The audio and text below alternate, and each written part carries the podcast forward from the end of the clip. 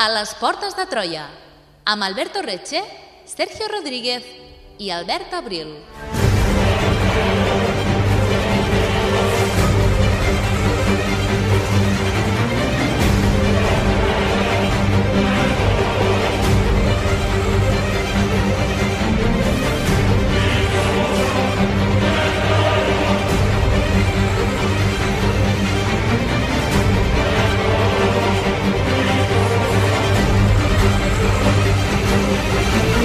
Així parla en B a un discurs televisat a la pel·lícula B de Vendetta. La base d'aquest film de ficció, com bé diu en B, és un esdeveniment que va tenir lloc fa més de 400 anys, concretament l'any 1605, la conspiració de la pólvora. Amb uns ideals molt diferents als que ens expressa el personatge fantàstic en el seu discurs, un grup de catòlics radicals va conspirar per fer explotar el Parlament anglès. Aquest complot ha farcit el nostre imaginari, el calendari anglosaxó i la cultura popular d'imatges, símbols i festivitats, i inclús noms com Guy Fawkes ens sonen cada vegada més. Avui, a les portes de Troia, parlarem sobre el pla dels conspiradors, com es va descobrir i les conseqüències que va tenir. Benvinguts a la conspiració de la pólvora. Benvinguts a les portes de Troia.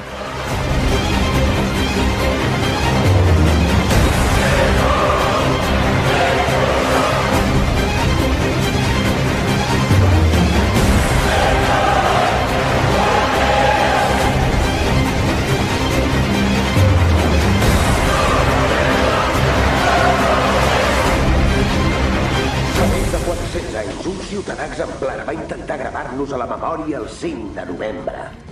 Tenia l'esperança de fer-li veure a tothom que la justícia, la igualtat i la llibertat són més que paraules. Són una visió de la vida. Per tant, si els crims dels qui ens governen per vosaltres no existeixen, potser val més que no torneu a pensar en tot això que us he dit. Però, si veieu i sentiu el mateix que jo, si la indignació us devora, us proposo que d'aquí a un any ens apleguem a les portes del Parlament per celebrar un 5 de novembre que tota Anglaterra recordarà sempre més. Benvinguts i benvingudes una setmana més a les Portes de Troia, el programa de ràdio d'història de la xarxa de comunicació local des dels estudis de Ràdio Castellar. Aquesta setmana per seguir amb la conspiració de la pólvora de l'any 1605 que ens va començar a explicar ja l'Albert la setmana passada. Benvingut, Albert. Com anem?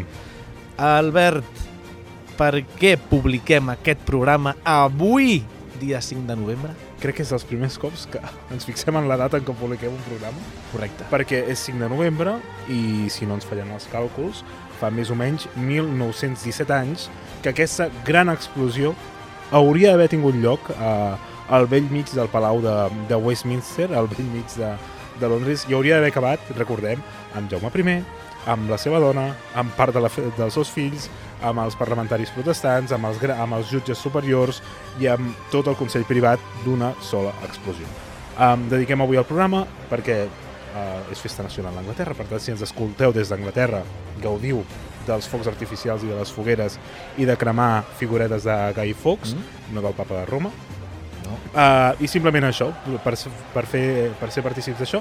I si voleu aprofitar després d'escoltar aquest programa i mirar, bé de Vendetta o llegir-vos el còmic, ja, fantàstic. A les portes de Troia. Descobreix la teva història.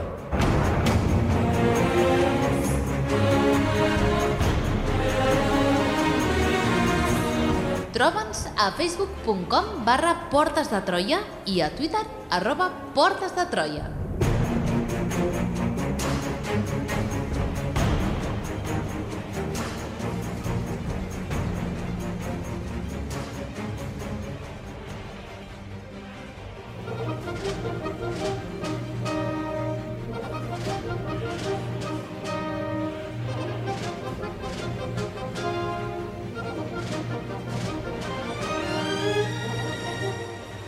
Molt bé, doncs, Albert, fem breu recapitulació de la primera part d'aquesta conspiració de la pólvora. És començant a fer la breu recapitulació amb l'obertura 1812 de Tchaikovsky de fons, que la deixarem sonar una estoneta perquè és preciosa, uh, i molt representativa també a la pel·lícula de, de Bella Vendetta. Um, com sempre, recomanem als oients escoltar tot l'últim programa, ja que vam de, ens vam dedicar a parlar extensament sobre la situació dels catòlics a l'Anglaterra del 16 començaments del, del 17, uh, però bàsicament hem d'entendre que la situació dels catòlics uh, uh, en aquesta Anglaterra era totalment d'inestabilitat religiosa, de pèrdua de privilegis, pèrdua de drets, uh, no podien fer les misses públiques, es van inclús prohibir les misses privades, etc. Um, Llavors, el que hem d'anar, el que és important que ens quedem és que davant d'aquesta situació hi ha diversos radicals catòlics que fan diversos complots. En un context on Europa també hi ha hagut intents d'assassinat contra reis protestants, doncs Anglaterra no podien ser menys. Es fan un parell de complots de segrest el 1603, els dos fallen, um, i quan els catòlics s'adonen que Jaume I no farà un torn cap al catolicisme, no ajudarà els catòlics, no els reestablirà els seus drets, els seus privilegis, etc., apareixen els nostres cinc protagonistes, que són Catsby, Wintour, Wright, Fox i Percy, que a la primavera del 1604 reuneixen una taverna a Leeds i allà conspiren per primera vegada i es marquen al febrer del 1605 en què hauria de ser l'obertura del Parlament al discurs reial, aquell dia per fer un atemptat contra tota la cambra del Parlament d'Anglaterra. Molt bé, doncs tenim els cinc conspiradors reunits, com bé ens acabes d'explicar, i sabem que van acordar tenir un pla de cara al febrer del 1605. Com avancen aquests esdeveniments, Albert? A poc a poc, a veure, primer de tot, el 9 de juny del 1604, el comte de Northumberland, recordem, el jefe o el patró o el mecenes de, de Percy, uh, va ser nomenat membre d'una tropa muntada de 50 guardaespatlles del rei, una posició molt privilegiada.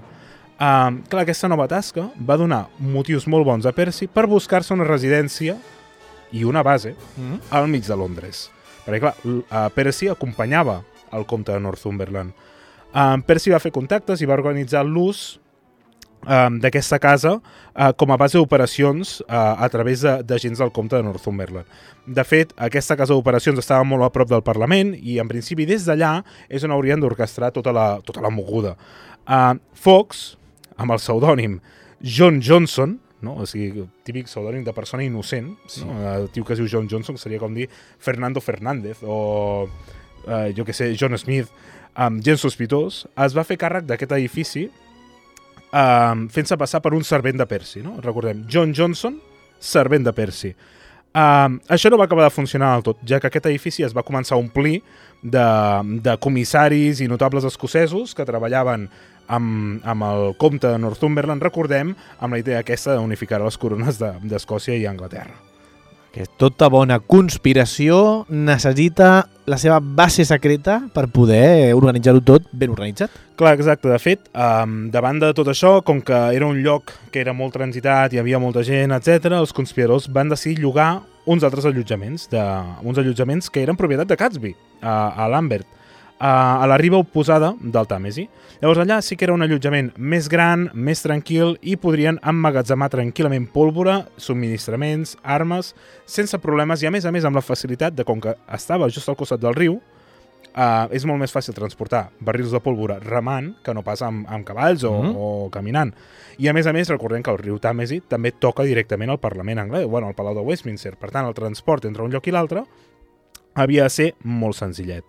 Um, després d'haver establert una base d'operacions, els implicats van abandonar Londres i va ser llavors quan van reclutar a Robert Keys. No? Llavors eh, van retornar a Londres a l'octubre del 1604 amb, Qui és amb aquest Robert Keys? Qui és? Um, Robert Keys... Digue-ho, digue No, no, és igual. El de les claus, estaves pensant? No, no, és, és igual. Deixem-ho estar. Qui és? Ara, ara. Ara ho he entès. Perdó per no ser l'Alberto. és lamentable. Qui és? Alberto Poble, que està, està malalt. Està malalt. Està aquest malalt. aquest l'hauria agafat, però no passa res. Una Estàs ficat al guió com ha de ser i no com ha de ser, eh, pendent de les meves xorrades. Endavant. Robert, uh, qui és? Un home, ens el, uh, ens el descriuen com un home desesperat, arruïnat i endeutat. Fixem-nos que és el primer personatge que bueno, que no té res a perdre en tot això. Um, I, de fet, la seva responsabilitat era fer-se càrrec de la cara de la casa de Catsby a Lambert.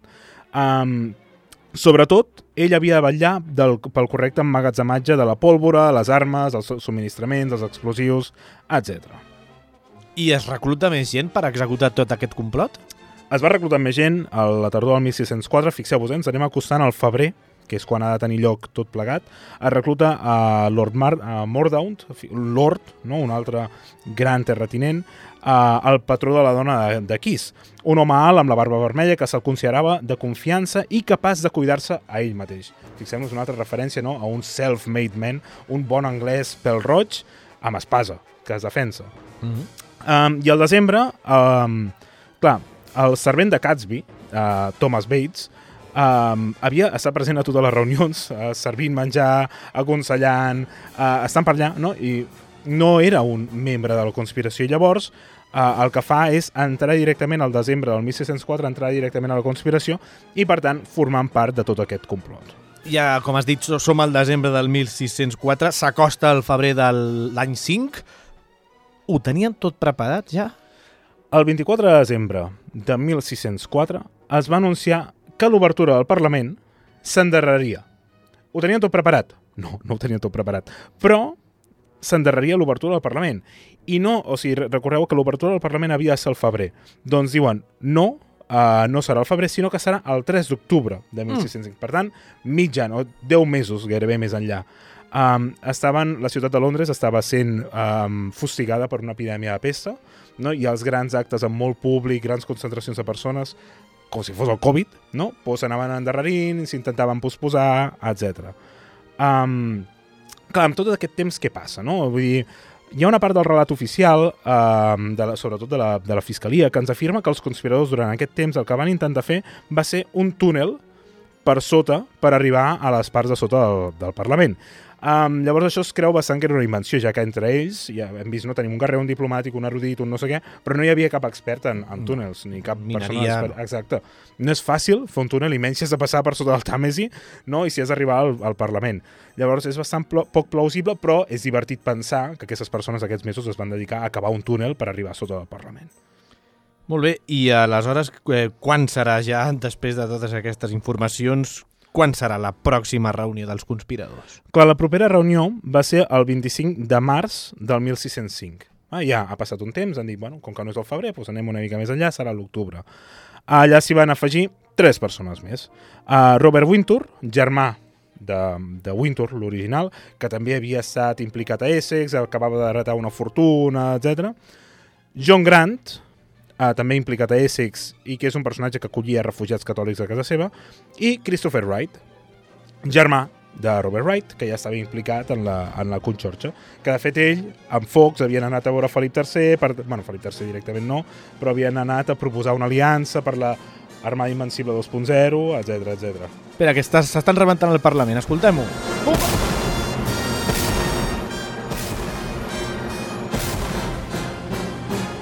A B de Vendetta passava això, no? en aquest sí, moment? Sí, sí. Uh, rebenten amb, amb, allà en el terrat amb la Natalie Portman i el l'Elrond, que el, el, el B de Vendetta és l'Elrond. Eh, En- Hugo Weaving.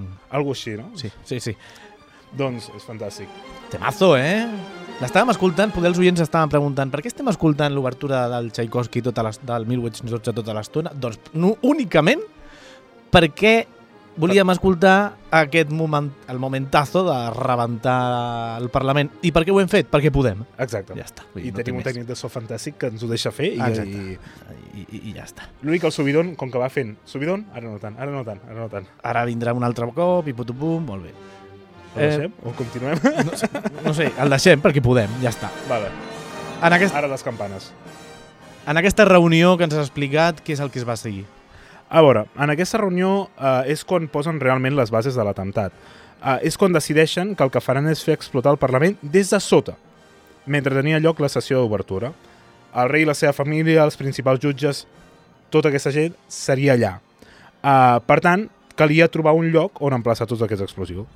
Llavors ens hem d'imaginar com era el Palau de Westminster al segle, al segle XVII, que era bàsicament un reguitzell d'edificis agrupats al voltant Mm -hmm. de, de les cambres, capelles i sales, sales medievals de l'antic Palau Reial. Um, I tot, en totes aquestes sales s'albergava el Parlament i els diferents tribunals reials.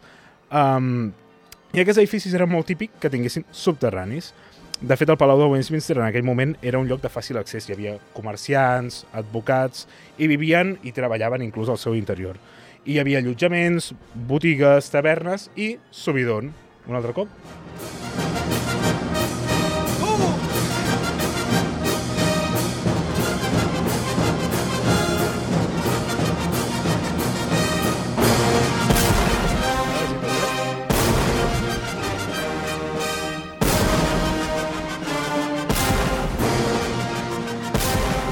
Que abans de B de Vendetta també era la música que s'utilitzava per l'anunci del risc.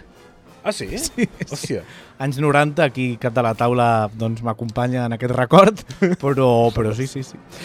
Molt bé, doncs estàvem eh, bueno, doncs, en aquelles decisions que s'havien de prendre per acabar de decidir eh, com s'executaria aquest complot, o no? I hem deixat abans del subidon. Um, ha, estat, ha estat curiós perquè aquest subidon fa, fa desconnectar i fa gaudir, no? Um, però estàvem descrivint bàsicament com, com era el Palau de Westminster, no? Tot un reguitzell d'edificis que envoltaven les capelles reials, uh, l'antic Palau uh, Reial Medieval... Bé, ens hem d'imaginar, no ens hem d'imaginar com ara, que és un edifici bàsicament neogòtic, no? si, sinó un complex no? de, de diferents, mm. això, un complex de diferents edificis que tots envoltaven aquestes sales del Parlament, etc. Llavors, Uh, era, un, era un lloc de molt fàcil accés, on constantment entraven i sortien persones, gent que hi vivia inclús, no?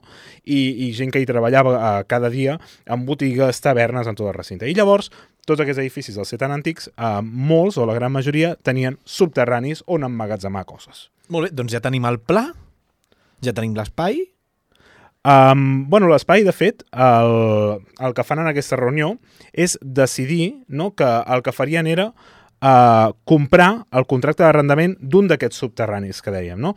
Um, el subterrani era propietat del, um, del senyor John Wynyard, um, que es trobava just a sota, fixeu-vos quina casualitat, un subterrani que es trobava just a sota la, de la cambra del, dels Lords, i tenia un passeig que comunicava cap al Parlament i un passeig que comunicava, que comunicava directament amb el riu Tàmesi. O sigui, és una sala perfecta. és genial això, eh? Uh, fantàstic, o sigui, els anava de perles. I a més a més, ja hem dit, no?, que era molt típic en, aquesta, en aquestes edificacions podia, podia haver servit perfectament per emmagatzemar llenya, per emmagatzemar-hi menjar, etc. Uh, I podria, inclús, alguns historiadors diuen que podria haver estat una de les cuines de, de l'antic Palau Reial. Era un lloc brut, era un lloc que feia molts anys que no s'utilitzava, per tant, era un lloc perfecte per l'objectiu que tenia el nostre petit grup de protagonista, plantar desenes de barrils de pólvora just a sota de la sala de Parlament i fer-los explotar quan el rei estigués fent el seu discurs d'obertura. Molt bé, doncs ara sí, tenim l'espai, teníem el pla, però això necessitarà de més mans executores, més conspiradors, més suports? Sí, de fet, ve veurem com van entrar, van entrar gent, com més gent, també més perillós. Més no? perillós, exacte. Sí. Um, però més que suports, en aquest cas el que faran els conspiradors és buscar la benedicció moral del seu acte. No? Molt Um, important. És importantíssim. Quan es tracta de matar el rei, no? és molt important. Molt important. Uh, Catsby, a la segona setmana de juny, el que fa és reunir-se amb el principal jesuïta d'Anglaterra, uh, Henry Garnet. Recordem, 20 anys abans, un jesuïta ha publicat un llibre justificant el regicidi cap a monarques no catòlics. Mm. Per tant, Catsby va buscar el seu suport, li va buscar la seva, la seva acceptació moral, per dir d'una manera. Li va preguntar sobre la moralitat de participar en una empresa que, literalment, diu que podia implicar la destrucció dels innocents, però també dels culpables. Ah, bueno, si és Perquè, dels culpables... Si hi ha els culpables, No els innocents res. no importa. No, perquè, clar, fer volar tot el Parlament, allà també hi havia catòlics. Clar, és igual. Um, Se'ns explica que Garnet li digué que endavant, que no patís, no? ja que això volaria els culpables i estava justificat, però que més endavant van tenir una segona reunió en què Garnet li va ensenyar una carta del papa i que el papa li deia ni de conya et revoltis, treu-t'ho del cap, és un projecte a llarg termini tornar a instaurar el catolicisme a, Anglaterra. Clar, no sabem si això és real o si realment ho va dir Garnet quan va, li va tocar declarar per treure culpa de, per treure culpa de sobre. Um, sabem que poc després de tot això, un sacerdot jesuïta va prendre confessió a Catsby i ell va explicar tot el complot, perquè clar, a, a Garnet mai li explica directament, simplement li, li diu, bueno, és que vull fer una cosa que potser mata innocents i també culpables. Uh, però clar, que Garnet, és una manera de Garnet d'escapar-se de tot això, diu, clar, jo sabia el complot, però com que era sota secret de confessió, Mm. no ho podia dir a ningú. Uh, llavors, uh, Garnet, amb aquesta informació, uh, se'ns explica que inter intenta dissuadir a, a Gatsby, però sense cap mena d'èxit. I com es van anar, a, com, com, com es fa per anar acumulant tota aquesta pólvora sota el soterrani dels, de, la, de Westminster, bueno, del, Del Parlament. Del Parlament, perdó.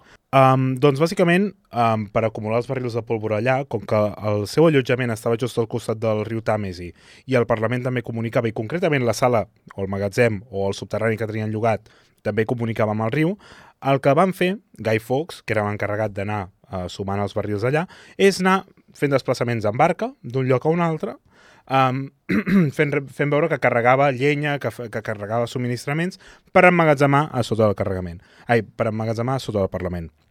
Bàsicament ens, ens hem de fer una idea, ell confessa, a la primera confessió no, sinó que ho fa a la, a la quarta o la cinquena, alguna cosa així, confessa que en un inici va introduir 20 barrils i que, més enllà, ja de cara al juliol, en va afegir 16 més. Per tant, a sota de la cambra del Parlament, des del juliol del 1605, hi havia 36 barrils de pólvora Flipa. allà esperant-se a l'obertura del Parlament al discurs del rei.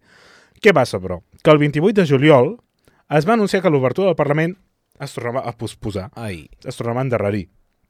Ja no seria el 3 d'octubre, sinó el 5 de novembre Mm. del 1605. Uh, cada cop més temps, o sigui, cada cop s'estava endarrerint més la cosa, però fixeu-vos, més temps per preparar-se, sí, però també més exposats. Uh, més exposats a que els descobrissin. I a més a més, recordem, la pólvora molla no funciona. I on l'estem guardant? L'estem guardant en un magatzem o en un subterrani a sota del Parlament gòtic, que deu ser la cosa més humida que, que existeix en aquest món.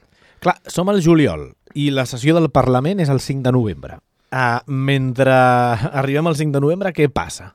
Um, Fox abandona el país durant un temps, no sabem ben bé què va fer. Sabem que el rei Jaume uh, gairebé mai s'allotjava a la capital, sinó que es dedicava a allotjar-se en mansions nobiliàries, a caçar, a menjar, a beure, a fer festes, etc. No ens ho hem d'imaginar com una mesura, òbviament, vida de rei, no? Però també hem de pensar que a la ciutat de Londres hi havia molta població i és on la pesta estava fent més estralls. Um, Fox i Wintour tornen a Londres i el que fan, el primer que fan és visitar el subterrani i s'adonen que la pólvora s'estava deteriorant. No... Magatzem. O sigui, clar, fixeu-vos que la trama, tota aquesta pólvora la porten acumulant des del febrer. Febrer, juliol, octubre, novembre, no? Um, I el que fan és, clar, tornem a portar més pólvora. No? I cada cop van introduir més pólvora, pólvora nova, etc. I a més a més és molt interessant perquè acumulen tots els barrils i per dissimular-ho uh, apilen llenya a sobre, no? És un magatzem de llenya, allò, és un subterrani on guardem llenya. Però és que a part de la llenya, a sobre dels barrils hi posen barres de ferro perquè quan uh, explotin, doncs les barres de ferro surtin disparades cap amunt, rebentin el, so el terra del Parlament, claus per, òbviament, fer-lo servir a metralla per matar les persones, bueno, que són, ho tenen tot perfectament, perfectament pensat. Molt bé, i en aquest temps, en aquest impàs, l'equip eh, de conspiradors s'amplia? Sí, sempre s'està. Estem constantment ampliant, però jo penso que aquesta serà ja l'última ampliació. Fixeu-vos que ja estem a finals del 1605. Es recluten els tres últims conspiradors. Uh, primer, per una banda, tenim a Rockwood, uh, reclutat per Catsby, um, que tenia pares terratinents, i ell va llogar un altre edifici que va ser clau per la conspiració, no entrarem en detalls, però que sapigueu simplement això. Uh, Digby, que era un cavaller del rei, Uh, va aportar molts diners per pagar el lloguer del, del subterrani, ja que uh, aquest subterrani l'havia llogat Percy um, amb, amb els seus diners i acaba, acabava de perdre unes propietats, s'estava quedant sense diners i amb l'arribada de Digby, amb aquesta nova injecció, amb aquesta palanca econòmica, doncs van poder conservar la propietat del, o l'arrendament del, del subterrani. I des, finalment Francis Treshman, um, que era cosí de, de Catesby era hereu també d'una gran, gran fortuna, però s'havia esgotat amb multes de recusació. Eh, Era una persona amb gustos cars i també havia participat a la revolta d'Essex del 1601. Però ull, perquè um, to, quan tot el complot es descobreixi, es farà per culpa d'una nota anònima. I um, Treshman és la persona més sospitosa d'haver redactat aquesta nota, tot i que ell mai ho admetrà i mai hi haurà proves directes cap a ell. Segueix-nos a facebook.com barra Portes de Troia o a Twitter arroba Portes de Troia. Descarrega't el podcast des d'iBooks o iTunes.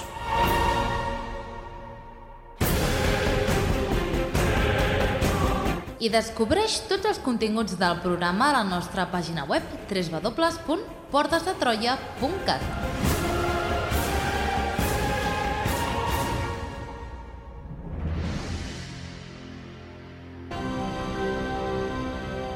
vista més bonica. És un escenari únic, oi? No veig cap instrument. Continues mostrant-te observadora, però tingues paciència. El concert està dedicat a la senyora Justícia per alegrar-li les llargues vacances que sembla haver-se agafat i com a homenatge a l'impostor que li ha usurpat el càrrec. Saps quin dia és avui, Ibi? Som a 4 de novembre. Ara ja no.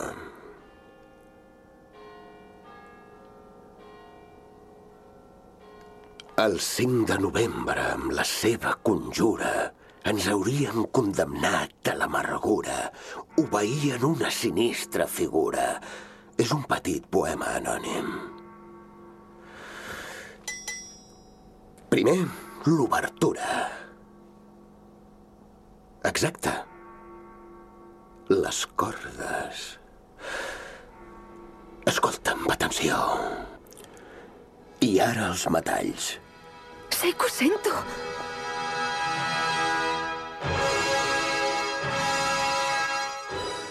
S'ha de dir que els Oscars de la competència han fet molt de mal perquè escoltar un tall de B de Vendetta amb el doblatge en català com, la, com era, que està molt ben fet, però clar, com els Oscars de la competència se n'en foten del doblatge en català sí. i en castellà també. Home, la incorporació d'aquest nou personatge és, és fantàstic, amb, amb Frank. És, és molt bo, és molt bo. Però vaja, sí, fet sí. aquest comentari que fèiem aquí amb el micro apagat, Uh, seguim uh, recomanant, òbviament, aquesta pel·li de B de Vendetta i ens recordàvem també aquí ara justament doncs, que, que aquest programa sí que nosaltres el publicarem el 5 de novembre, però que les nostres estimades ràdios de la xarxa que ens emeten, el nostre programa del Portes de Troia, doncs s'anirà escoltant al llarg d'aquella setmana, però que bé, que encara fumeja el que hagi de fumejar, o sigui sí, que, sí, sí. que està bé.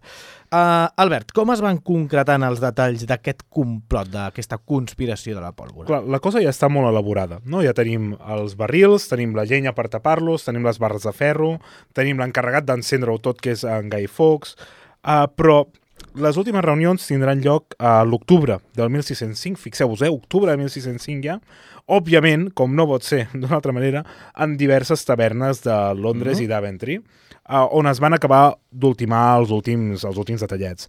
El 5 de novembre, o sigui, la idea era, el 5 de novembre, Guy Fawkes, l'home d'acció, el veterà dels Països Baixos, hauria d'encendre la metxa dels explosius i després, si podia, escapar-se pel Tàmesi, ja que una barca uh, l'estaria esperant en el riu, que està just al costat del, del magatzem. Uh, mentre tenia lloc l'explosió i l'assassinat múltiple, tindria lloc una revolta a les Midlands. Recordem, l'explosió a Londres, però a les Midlands hi ha una revolta nobiliària de mm. partidaris d'aquesta conspiració. I aquesta revolta ajudaria a la captura de la filla del rei, Isabel, que recordem que la volien pujar al tron i fer-la servir de reina titella a favor dels catòlics. Um, després de fugir pel Tàmesi, Fox havia, hauria de marxar cap al continent per explicar aquests esdeveniments que s'estaven succeint a Anglaterra a les monarquies catòliques d'Europa perquè de seguida donessin suport en aquesta nova Isabel, en aquest cas seria Isabel II d'Anglaterra. De moment aquesta conspiració ja té més preparació que la declaració d'independència de Catalunya. o sigui, ja, de moment, no sé com acabarà, eh? A Però més, Guy Fawkes és Puigdemont. Perquè encén la metge, se'n va, corrents. va corrents. Molt bé, a detalls finals acabats i púlits, ara sí, falta menys d'un mes per la sessió del Parlament. Um, aquí és molt interessant perquè les declaracions fluctuen moltíssim perquè uh, comença a aparèixer el dubte. No? Allò, estàs a punt de cometre un gran crim i comença a sortir el dubte. O sigui, ho hem de fer això, les dones implicades eh, comencen a adoptar no? a Anne Bo, que era una amiga de Garner que, que protegia, amagava i allotjava els sacerdots catòlics a casa seva, es va preocupar cada cop més, perquè clar, cada cop va descobrir més el que tenen planificat. Um, Diversos membres conspiradors expressen preocupacions per la, seva per la seguretat de companys catòlics que assistirien al Parlament i concretament Percy estava preocupat pel seu mecenes, el comte de Northumberland i van sortint altres noms, no? El dubte, no? Uh, la preocupació. I, I és un moment molt divertit, no? Perquè comencen a fer propostes i bueno, si en aquest l'ataquem pel carrer i li fem una petita ferida, potser no anirà a la sessió del Parlament. Bueno, en aquest li podem enviar una nota, en aquest no sé què, no? Comencen a fer, a sorgir coses d'aquest estil um, això perquè estan dubtant, no? tenen, tenen por, tenen companys que es moriran, no saben, els jesuïtes tampoc els estan acabant de donar suport, vull dir, és el dubte aquest que s'està sembrant en aquest, en aquest últim mes, però és molt humà no? que en aquests moments tinguin aquesta sensació. Uh -huh. Doncs entrem a finals d'octubre i falten dies comptats per la sessió d'obertura del Parlament. Albert, com es desenvolupen els esdeveniments a partir d'ara ja? Dissabte 26 d'octubre de 1605, 10 dies abans de la data assenyalada. Uh, Monteagle, cunyat de, de Treshman, sí, recordem Treshman, uh, El sospitós. el sospitós, l'últim incorporat en aquesta uh, conxorxa, Um, um, Monteagle protagonitza un àpat en una casa en desús a Hoxton, uh, també terratinent, amb diverses mansions, etc. I durant el banquet apareix un criat uh, dient que, bueno, que a la carretera un anònim li havia lliurat una carta per Lord Monteagle. Un desconegut, una persona que no, que no sabem qui era.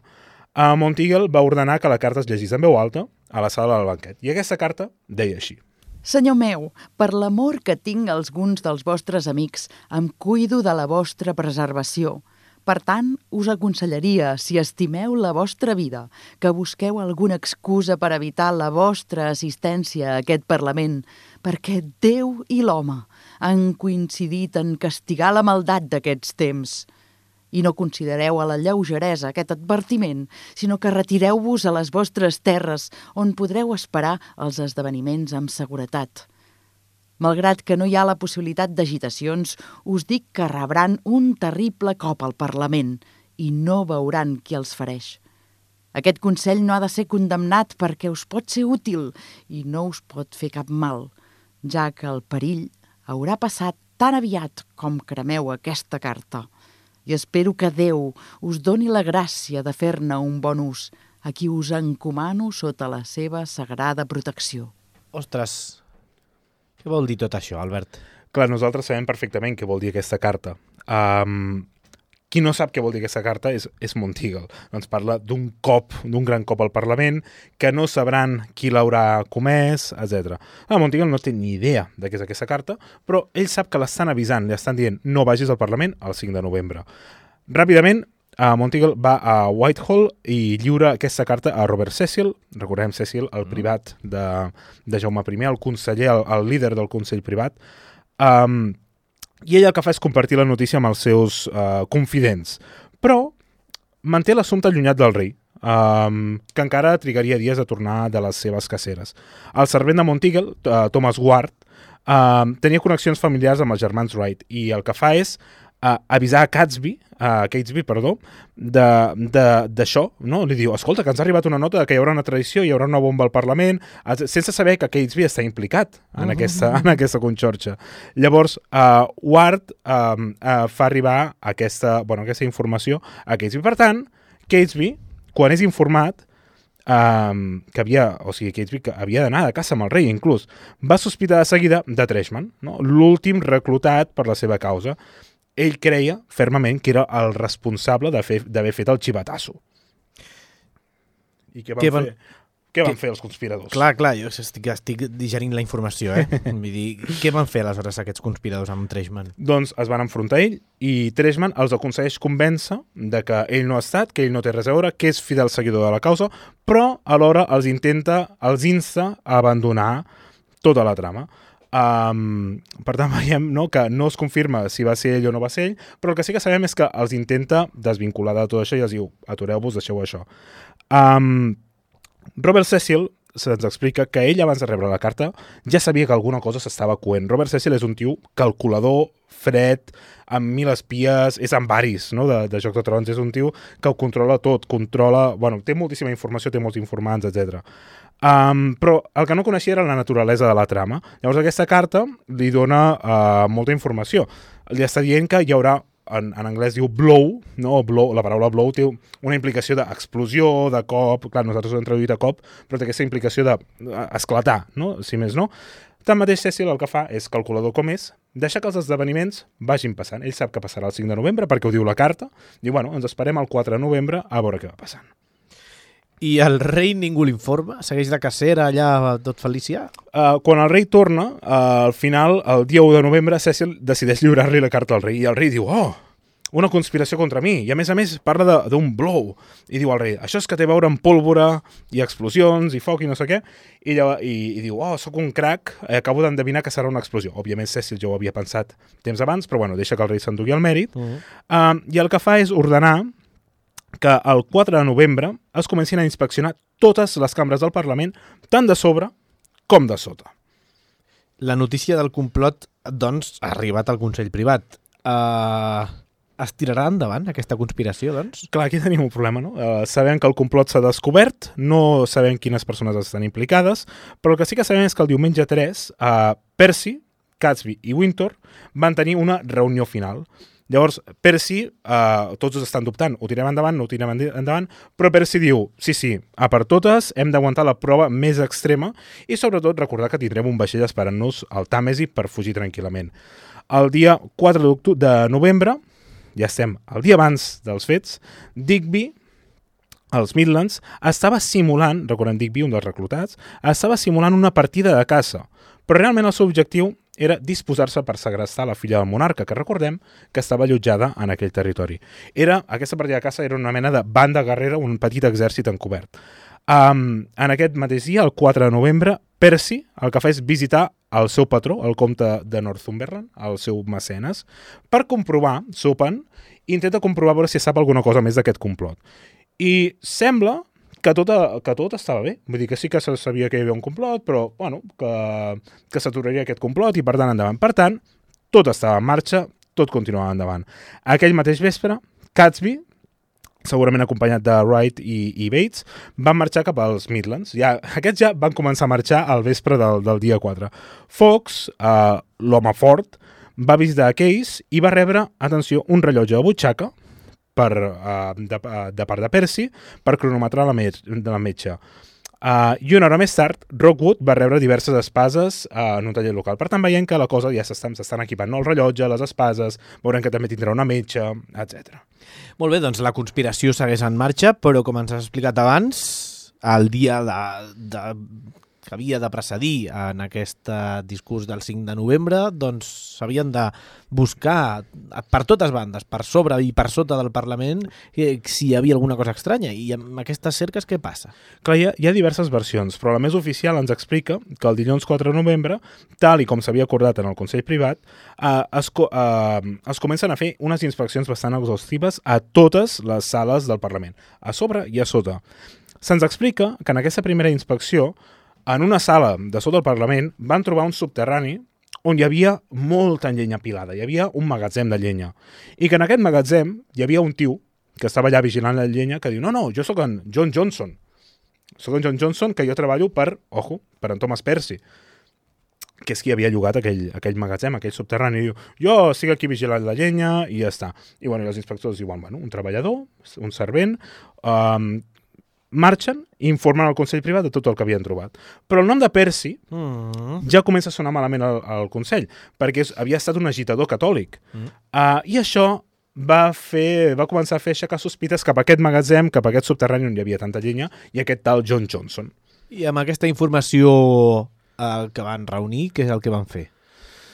No hi havia res extremadament perillós. Vull dir, en principi era una pila de llenya en un magatzem a sota, a sota el Palau de Westminster. Però el rei va insistir i va dir, no, no, torneu-hi. Uh, I com o no, quan hi van tornar, van trobar un altre cop la pila de llenya i aquest tal John Johnson, que el van trobar vestit amb robes de viatge, una capa, un barret molt característic de, de Vendetta, el barret, unes botes i esperons. Un servent no està amb esperons fent la seva feina, o vestit amb capes, o amb, bot o amb robes no. de viatge, etc. Immediatament aquest personatge va ser arrestat i ell portava una llanterna metàl·lica, que segurament és la llanterna que hauria fet servir per encendre la, els barrils de pólvora i que de fet està exposada al, a un museu d'Oxford, per si algú li interessa. En escorcollar-lo, més detingudament, li van trobar diversos llumins, eh, una metxa lenta, li van trobar un rellotge a butxaca, el que li havien donat de part de, de Percy, mm. i diverses fustes petites per fer foc, per encendre doncs, tot, tots els explosius. Um, quan van descobrir tot això, van tornar al magatzem, van aixecar la llenya i de cop es van trobar 36 barrils de No. pólvora apilats, amagats sota muntanyes de fusta, carbó, ferros, claus, etc. Uh, Fox va ser portat davant del rei i a primera hora del matí uh, bueno, va ser portat davant del rei a primera hora del matí del 5 de novembre. Quina bajona ara mateix, Albert. Uh, molt bajona, sí, però ja ho sabíem. Ja, però és igual, jo, ja estem dins. Ja, és com allò, que cada vegada que veus Titanic, que vols que el vaixell no s'enfonsi o que giri més ràpid de l'iceberg. Val, què va passar quan es va començar a conèixer la conspiració? doncs, curiosament, la sessió al Parlament va començar. Es va fer la sessió del Parlament, uh, però aquesta sessió, no va tenir el rei. I, de fet, ens ho explica uh, un fragment d'una carta de Sir Edward Hobby a Sir Thomas Edwards, que eren, uh, una, era un ambaixador de Brussel·les, i ho explica molt bé per fer-nos una idea de quina era la situació d'aquell moment. Escoltem. El dia 5 de novembre vam començar el nostre Parlament, a la que el rei hauria d'haver assistit en persona, però ha estat refrenat per una traïció, descoberta al matí. El complot pretenia fer explotar el rei un cop hagués pres posició del seu tron reial, acompanyat dels seus fills, noblesa, plebeus i assistit per tots els bisbes, jutges i doctors, a un instant d'arruïnar tot l'estat i el regne d'Anglaterra. I per aconseguir-ho es van situar sota el Parlament, on el rei s'hauria d'haver assegut, 30 barrils de pólvora amb una bona quantitat de llenya, trossos, peces i barres de ferro. Clar, quan la notícia de la detenció d'un tal John Johnson, el nostre amic Guy Fawkes, es va estendre per Londres, tots els implicats, és a dir, tots els conspiradors, el que van fer és fugir de la ciutat que m'has ajudeu que, que m'has ajudeu. Recordeu que hi ha diversos personatges que ja havien marxat la nit anterior. Uh, Wright i Percy van marxar junts. Rockwood, Ull, va se'ns explica que va recórrer 50 quilòmetres en dues hores amb un cavall. És a dir, va rebentar el pobre camall. Um, va avançar a Case, que havia marxat abans, després va avançar a Wright i Percy, i va aconseguir atrapar a Wright, Catsby, a Catesby, què és Catsby, i veig que havien marxat el dia anterior. O sigui, fixeu-vos lo ràpid que va anar el senyor Rockwood. Uh, Wintour es va quedar a Londres i inclús va anar a preguntar a Westminster què estava passant. Perquè Wintour no se'n devia enterar. I quan li diuen el que havia passat, clar, el seu nom no ha sortit enlloc encara. Pues el que fa és agafar un cavall i fotre el camp tan ràpid com va poder, també. Ja tenim els conspiradors fora de Londres. Què faran a partir d'ara? Clar, el grup de sis, eh, dels sis conspiradors eh, que han fugit tenim a Catesby, Percy, Rockwood, Wright, Bates i Keys, um, que bàsicament es van trobar a les 6 de la tarda i a ells es va afegir Wintour, que havia sortit una mica després, i el van informar de la situació. Es van reunir amb Digby, o amb Digby, que recordem que és qui estava simulant aquesta partida de caça, que és qui tenia soldats o homes armats, i li van explicar la situació. Uh, es van arribar a convèncer entre ells, o sigui, fixeu-vos, no? ha, ha fracassat l'explosió, però és que entre ells estan tan desesperats que s'arriben a convèncer que un aixecament militar encara era possible. Estan a la merda. Estan, estan molt enfonsats a la merda. I així, doncs, el que fan és eh, explicar a tots els membres de la partida que el rei Jaume i que Robert Cecil eren morts, que sí que s'havien mort en l'explosió. I després d'anunciar tot això, per impulsar l'acció armada, els set fugitius el que fan és eh, anar-se retirant cap a l'oest, cap, a, cap a Warwick. No? Veiem que es van movent per aquest territori de les Midlands. Molt bé, doncs tornem a Londres, perquè mm, com està el tema allà? Clar, mentre això està passant a les Midlands, a Londres la notícia es dispara, s'escampa. Um, però pensem que no ha, no ha passat ni un sol dia. Vull dir, ara si en- ens situem, per exemple, a les 6 de la tarda. Uh, es van tancar totes les portes de la ciutat, es van apostar molts més guàrdies de més, i a més a més es va protegir la casa de l'ambaixador espanyol, no? Uh, ja que estava envoltat per una turba furiosa, perquè ja havia corregut el rumor que eren els catòlics que volien matar el rei Jaume I. I qui eren els màxims catòlics d'Europa en aquell moment? Espanyol, eh? com, com, com Déu mana. Clar, home. Um, clar, de seguida es va emetre un ordre de detenció de to a Thomas Percy. John, John, um, John Johnson diu que ell treballava per Thomas Percy. Um, per tant, la primera ordre de detenció és cap a ell. I, consegüentment, cap al comte de Northumberland, que és el patró del, del, del nostre estimat Percy. Um, I Northumberland és en, bueno, se li aplica un arrest domiciliari. Uh, el mateix 5 uh, de novembre comencen els interrogatoris i tot queda ben escrit i ben recollit. John Johnson només va revelar el nom de la seva mare i que era, i que era de Yorkshire. Um, es va trobar, quan se'l va rebuscar encara més, uh, se li va trobar una carta diri dirigida a un, tai, a un tal Guy Fawkes. Però ell el que diu, no, no, jo sóc en John Johnson. Guy Fawkes és un àlies meu. O sigui, ho gira, no? És, és, és molt divertit. I va parlar molt el senyor Johnson? Clar, lluny de negar les seves intencions, Johnson diu, no, no, que sí, que jo he, he perpetrat un atemptat, però jo he actuat tot sol, he acumulat aquests 36 barrils sol i jo no he treballat amb ningú més. Eh, De fet, el rei, eh, Jaume I, diu que té una resolució romana, en John Johnson. El dia següent, el 6 de novembre, les, les investigacions més oficials van començar i s'in- s'interroguen a més persones, els servents de Percy, etc. I llavors, al vespre del dia 6, ja es coneixen tots els noms.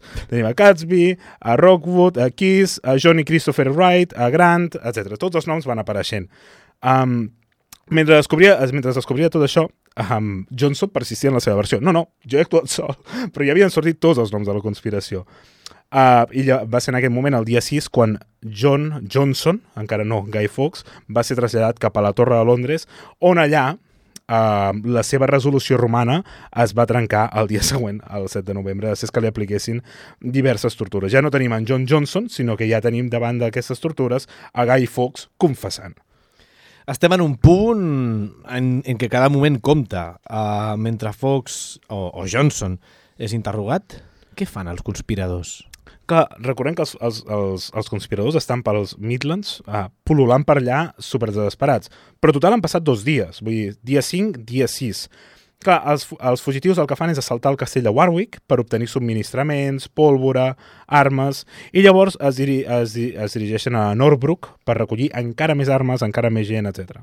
Van arribar una, uh, van, van fer arribar una carta al jesuïta Gra, uh, Grane, Garnet, perdó, recordeu, qui és el jesuïta aquell que li diu uh, que els diu, no, no, atureu-vos, no feu el complot, o si més no això és el que ens ha arribat, i altre sacerdot informant-los i demanant-los ajuda per reunir un exèrcit, però Garner els suplica que s'aturin, o això és el que se'ns explica.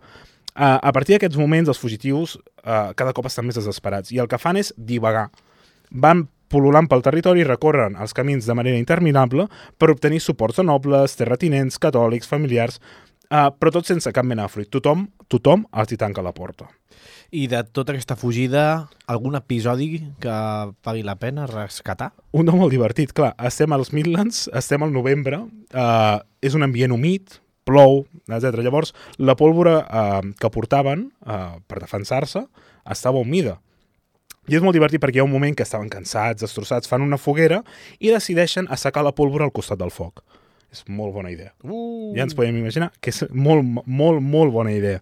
Um, òbviament, un espurna en aquest foc el que fa és encendre la pólvora. Clar, no explota perquè no està comprimida la pólvora, però s'incendia. I les flames consumeixen a Catesby, Rockwood, Grant i un tal Morgan, que era un personatge que també eh, pol·lulava per allà. Sobreviuen tots, però queden molt malferits i, de fet, Rockwood perd la visió i tot per aquesta espurna de foc de la pólvora. Um, de fet, l'espectacle va ser tan, tan, tan horrible que va arribar el rumor de que uh, Catesby havia mort i, i això es va escampar i, i llavors personatges com Digby, uh, Wintour i Bates uh, van fugir de- d'aquella situació.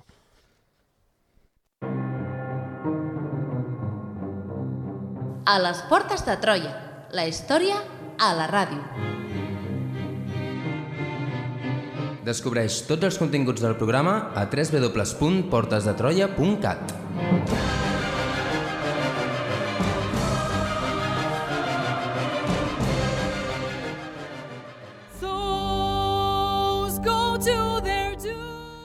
Recta, rectíssima final del programa i també recta final pels nostres estimats conspiradors. Albert, els acaben atrapant o no? Els acaben atrapant. Uh, I, de fet, clar, aquests que els teníem als Midlands uh, estan mal ferits, es concentren tots en una casa i al matí del dia 8 de novembre el xèrif Walsh i la seva companyia de 200 soldats el que fan és assetjar la casa. El rodegen i comencen a disparar sense cap mena de pietat.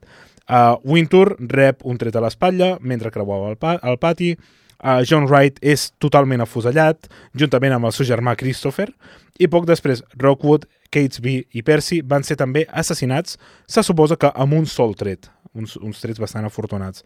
Els atacants van saquejar la casa, van despullar els cossos, i fixeu-vos no?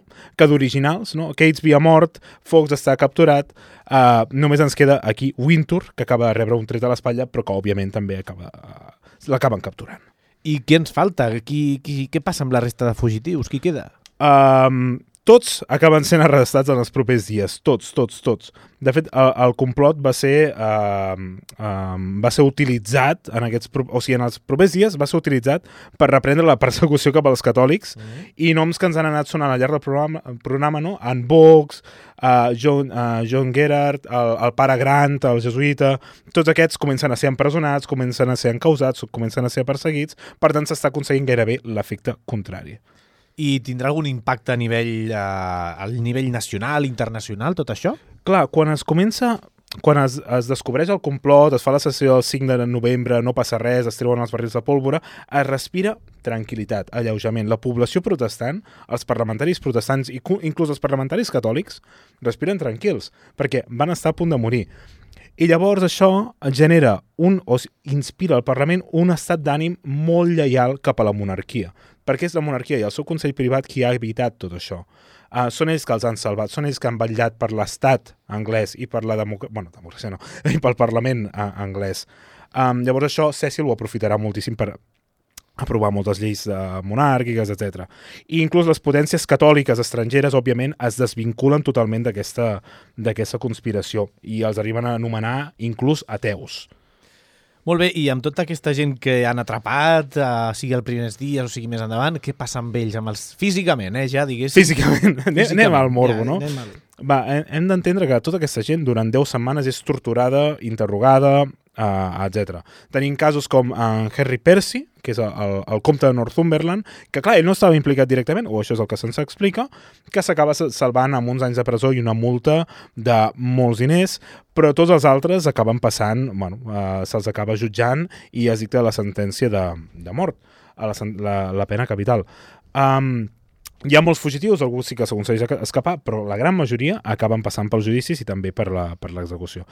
Menys eh, Catesby i Percy, per exemple, que havien mort en la casa aquella quan els van disparar. Però és que, a més a més, els exhumen i els, els decapiten. Un cop morts, no? els treuen de les sombres i els decapiten per separar els caps dels cossos. El 30 de gener, ja una mica més enllà, uh, Digby, Wintour, Grant i Bates van ser arrossegats pels carrers de Londres lligats a un cavall. Joan Canyamars. Joan Canyamars 2.0. Hem fet la connexió després de gairebé dos Hòstia, programes. Dos programes, i tant, és veritat. Van ser arrossegats, podríem fer la ruta de, de tota aquesta gent per Londres. Uh, van ser arrossegats lligats a un cavall fins a un cementiri i allà van ser pujats al cadafal. Uh, Digby va ser el primer um, i quan li van passar la soga pel coll, el van penjar, abans de morir-se, se'l va despullar, se'l va castrar, se'l va destripar i se'l va esquarterar. No sabem en quin ordre s'acaba morint, no? però bueno, s'acaba morint d'alguna sí, manera o altra. Ja és igual, sí. Um, tots els altres van córrer exactament la mateixa sort. L'endemà, uh, Kiss, uh, Guy Fawkes, el nostre estimat Guy Fawkes, també seran penjats, esquarterats i castrats. Però es veu que Fox, Guy Fawkes, el nostre estimat gairebé protagonista, aconsegueix, quan li posen la soga pel coll, salta del, sal, salta de la plataforma i aconsegueix trencar-se el coll en el salt amb, amb la pròpia corda. Per tant, també l'esquarteren, el castren i l'esbudellen, però ell ja està mort. Ja està. No? O sigui, sí que profanen el cadàver, Sí. però ell ja està mort. Per tant, um, El nostre tejero no patirà. exacte, el nostre tejero estimat. Molt bé, doncs queda res, dos minuts perquè facis balanç de tot això, que ens expliquis com ha quedat també a nivell popular tot això, que per això ho estem fent també una miqueta, Mm. i, i per, per acabar de rellegar-ho tot. A veure, el 1604 era poc probable que els catòlics aconseguissin una major llibertat de culte. Però és que després del complot, és a dir, el 1606, encara era menys probable, perquè, òbviament, això, com hem dit, es va utilitzar per endurir les lleis cap als catòlics. Es les, es reforcen les lleis contra la recusació, el sistema isabelí de multes i restriccions torna a Anglaterra, um, ens hem de fer una idea que l'emancipació catòlica a Angla- a Anglaterra trigarà 200 anys més, fins a, dos, eh, fins a mitjans del segle XIX, més o menys. Um, però el que és més divertit és que el complot de la pólvora va ser uh, condemnat durant molts anys en els sermons protestants, Shakespeare inclús s'inspira per escriure alguna obra, però és que el, el, els protestants inclouen aquest dia uh, com a dia nacional, com a dia especial i de festa en el calendari anglosaxó. I és, és fantàstic, no? Com, com un episodi que havia d'anar en contra dels protestants, doncs es converteix en una festa nacional, perquè és una festa que ajuda a unir els anglesos, a- enforteix l'estat anglès uh, perquè es van enfrontar a un enemic comú, que eren els catòlics radicals. Sí que és cert que Jaume I de seguida va començar a desvincular a tota la comunitat catòlica, va dir no, no, han estat només uns radicals, i aquí el rei va jugar, va tenir molt, molta mà esquerra. Um, també és cert que just després va aparèixer, uh, comencen a aparèixer teories de la conspiració dient que tot això havia estat orquestrat per Robert Cecil, el privat, perquè um, ell, tot i conèixer la conspiració, a l'últim moment desvelar-la no? i, i emportar-se tot el mèrit. I a nivell popular ja ho hem anat comentant, no? A B de Vendetta, la, la nit de Guy Fawkes, que, es fan, eh, que és com, seria com un Sant Joan català gairebé, i uh, Anonymous, no? Aquest, o sigui, el símbol d'aquesta conspiració de la pólvora, que en molts casos actualment és antisistema per la llibertat, per la igualtat, um, totalment anticapitalista, etc. doncs era totalment al contrari, era una revolta radical catòlica. Sí, sí, sí. Doncs ja està, fins aquí.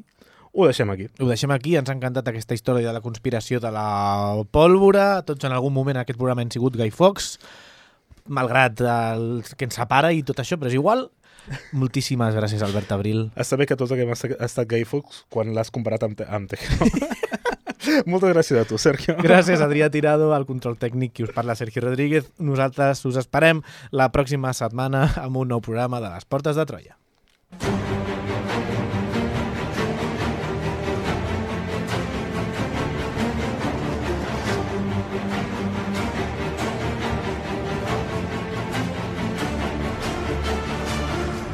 A les portes de Troia, amb Alberto Reche, Sergio Rodríguez i Albert Abril.